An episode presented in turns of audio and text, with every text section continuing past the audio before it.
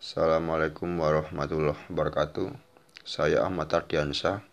Pada malam ini kita akan membahas mengenai menjelang Idul Fitri dan juga wacana the new normal ya. Yang pertama ialah mengenai menjelang Idul Fitri ya. Menjelang Idul Fitri ini memang keadaannya seru ya karena kita akan menghadapi di mana hari ya, dua hari ya. Kan kita menurut NU kan sudah memutuskan itu hari Minggu dinyatakan sebagai hari raya Idul Fitri ya. Itu hari pertama. Nah berarti dua hari ya. Jadi dari mulai hari Minggu sampai hari Senin ya itu kita merayakan hari raya Idul Fitri ya di mana kita kembali fitrah kembali suci dan kembali ke rutinitas yang seperti biasa ya makan minum bergerak gitu ya. Nah saat kita sudah puasa kemarin kan 30 30 hari ya. 30 hari itu sekarang apa? Jumat Sabtu Minggu 28 ya. Jadi 28 hari. 28 atau 29 lah. 29 hari ya. 29 hari itu kita berpuasa dengan banyak sekali cobaan ya. Karena kita mengalami pandemi virus corona ya. Jadi suasana suasananya pun juga apa ya? Seperti beda ya dari biasanya. Nah, namun pada ujungnya kita juga mengalami hari raya Idul Fitri. Nah, saat menjelang puasa, ah, maksud saya menjelang Idul Fitri ini, eh, saya merasa bahwa harga-harga harga-harga pokok bahan pokok itu naik ya kayak gula gula itu di sini ya di sidoarjo Jawa Timur itu harganya 18.000 sampai 19.000 gula itu. Gula 1 kilogram ya. Itu naiknya sampai segitunya ya. Dulu itu berapa gitu? 16 atau 15.000 itu. Sekarang naik sampai 19.000 ya. Ini, ini karena memang corona kan membuat neraca perekonomian juga gonjang ganjing ya. Jadi kayak siklusnya itu nggak normal ekonomi itu. Jadi kayak peredaran uang itu mandek gitu. Ya jadi kita semoga saja ya virus ini segera berakhir dan kita bisa beraktivitas seperti biasanya. Nah dalam wacana Idul Fitri ini ya uh, ada kita mengalami situasi ya dalam pandemi corona ini kita diharuskan untuk beradaptasi gitu ya. Kita beradaptasi terhadap lingkungan ya kalau dulu kita biasa ya jadi kita ke saudara dulu eh maksud saya ke keluarga dulu ya ke bapak ibu dulu terus ke saudara kita kakak-kakak adik-adik gitu terus tetangga. Jadi masih ada ada sentuhan fisik gitu ya salaman cipika-cipiki juga. Dan kita juga melakukan itu ke tetangga lalu kita biasanya hari pertama itu jalan ya jalan terus hari kedua bisa kita uh, agak jauh ya ke saudara yang agak jauh tapi kita nggak jalan lagi karena agak jauh ya bisa naik transportasi bisa mobil sepeda motor atau bahkan bis. Bisa juga kereta api kalau jauh banget. Tapi dalam situasi uh, pada situasi pada bulan ini ya kita masih dalam rangka pandemi virus corona ya. Jadi ada penyesuaian tertentu ya.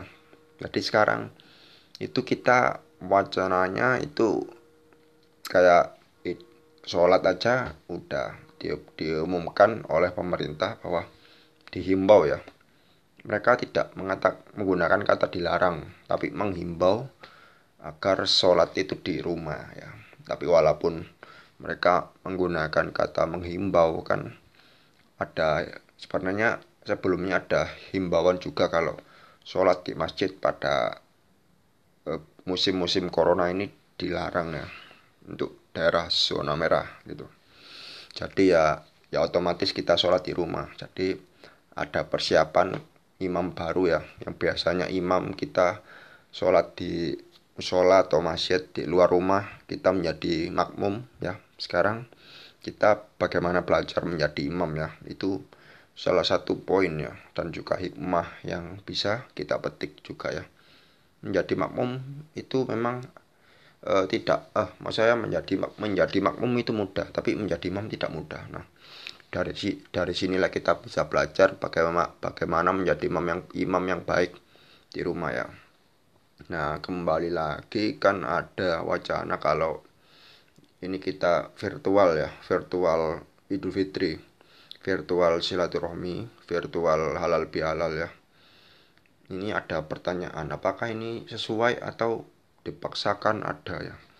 Kalau saya hemat saya sih memang kita tradisi kita tuh eh, memang harus sentuhan fisik ya. Kalau eh, Idul Fitri itu kan kita sentuhan fisik kayak salaman cipika-cipiki itu selalu ada ya. Tapi kalau virtual itu melalui suatu media gitu ya. Katakan handphone bisa laptop juga bisa. Tapi sekarang menjadi agak itu ya. Sekarang kalau sentuhan fisik sulit. Malah dilarang ya. Malah nanti bisa menularkan virus corona ya. Jadi melalui virtual. Nah kalau melalui virtual ini agak agak repot ya. Karena tidak bisa menjangkau banyak banyak apa ya menjangkau wilayah-wilayah tertentu ya kayak yang susah-susah sinyal pun juga kerepotan bahkan nggak semua juga punya HP loh ya. Ditambah juga nggak semua juga melek teknologi ya. Jadi bagaimana mengaturnya ini yang penting ya. Jadi virtual itu bukan solusi tapi daripada nggak dilakukan ya. Ya kita dengan kearifan lokal ya kita harus melakukan virtual halal bihalal ini ya. Ya saya saya doakanlah semoga halal bihalal virtual kalian dan kita semua lancar aja ya nggak ada kekurangan apa pun. Terlepas memang situasinya awkward sekali ya memang situasinya canggung banget. Karena kalau virtual itu kan apa ya kayak kayak komunikasinya itu terhambat ya. Nggak kayak kita ketemu langsung ya. Jadi ada kayak mimik muka terus perasaan chemistry gitu ya. Tapi kalau virtual kan kayak terjeda-jeda gitu. Belum lagi kalau belum lagi kalau kayak koneksi tiba-tiba hilang ya tiba-tiba putus gitu juga agak mengganggu. Tapi ya daripada nggak dilakukan ya mending kita lakukan aja kan. Nah sekarang saya mau beralih ke topik lain ya. Topik yang lain itu mengenai wacana dan new normal ya. The new normal ini kayak apa ya kayak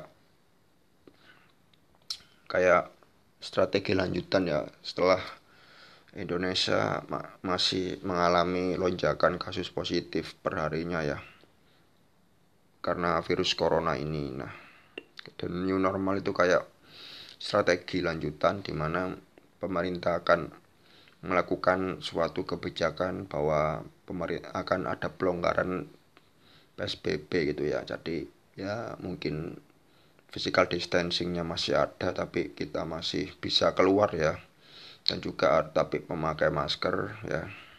Nah, dunia normal itu kalau menurut saya menurut saya ya yang ditekankan itu adalah new baru dan normal normal. Seperti biasa ya. Jadi hal baru yang biasa. Nah, hal baru yang biasa itu ya kita baru ya. Biasanya kita keluar. Sekarang kita kalau keluar memakai masker ya. Kita sekarang cuci tangan hidup higienis ya. Terus juga memerhatikan estetika ya nah itulah the new normal. Jadi the new normal itu ya hidup bersih itu. New normal dari tujuan kita itu ya. Nah memang perlu itu sih ya. Perlu adaptasi ya. Jadi kalau masyarakatnya bebal banget gitu ya. Pokoknya pikirannya itu pendek banget. Pokoknya semau dia semau semau dia pokoknya. Undang-undang diterabas itu udah udah hancur negara ini. Makanya hidup dengan peraturan itu ya lebih lebih apa ya lebih tertata gitu. Kalau udah ya memang kita menghargai kebebasan berpendapat ya. Tapi kalau udah melanggar undang-undang itu udah udah hancur udah berabe.